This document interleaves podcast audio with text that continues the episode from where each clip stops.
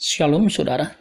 Renungan hari ini berjudul Diampuni dosanya. Roma 4 ayat 6 sampai 8. Seperti juga Daud menyebut berbahagia orang yang dibenarkan Allah, bukan berdasarkan perbuatannya. Berbahagialah orang yang diampuni pelanggaran-pelanggarannya dan yang ditutupi dosa-dosanya.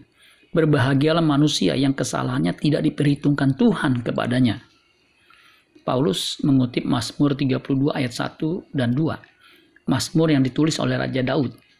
Daud menulis Mazmurnya berdasarkan pengalaman hidupnya yang bergelimangan dosa. Dosa perjinahan mengambil istri orang, melakukan pembunuhan berencana. Selama ia belum mengakui dosanya, ia sangat menderita. Mazmur 32 ayat 3 sampai 4. Tetapi setelah ia mengaku dosa, saat ditegur Nabi Nathan, ia bertobat lalu merasa lega. Sejak saat itu, ia tidak pernah melakukan dosa-dosa itu lagi. Itulah sebabnya ia berkata, berbahagialah orang yang diampuni pelanggarannya, yang kesalahannya tidak diperhitungkan Tuhan. Kita mungkin tidak melakukan pelanggaran berat seperti Raja Daud. Alkitab mengatakan semua orang sudah berbuat dosa dan telah kehilangan kemuliaan Allah. Roma 3 ayat 23. Ketika Tuhan Yesus datang ke dunia dan mati di kayu salib, saat itu semua dosa dunia termasuk dosa kita diangkatnya. Yohanes 1 ayat 29. Sehingga kita yang percaya kepadanya mendapat pengampunan dosa. Dosa kita masa lalu, sekarang bahkan yang akan datang sudah diangkatnya.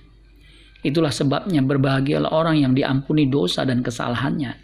Karena ia sekarang bebas dari rasa bersalah. Bukti orang yang sudah diampuni dosanya, ia tidak berbuat dosa lagi. Yohanes 8 ayat 11 jawabnya tidak ada Tuhan. Lalu kata Yesus, aku pun tidak menghukum engkau. Pergilah dan jangan berbuat dosa lagi mulai dari sekarang. Sejak saat kita percaya dan bertobat, kita diberi potensi untuk menjadi anak-anaknya yang mewarisi kerajaan Allah. Anak-anak Allah yang akan mewarisi kerajaan Allah berhenti berbuat dosa. Dialah orang yang berbahagia Amin buat Tuhan. Tuhan Yesus memberkati. Sola Gracia.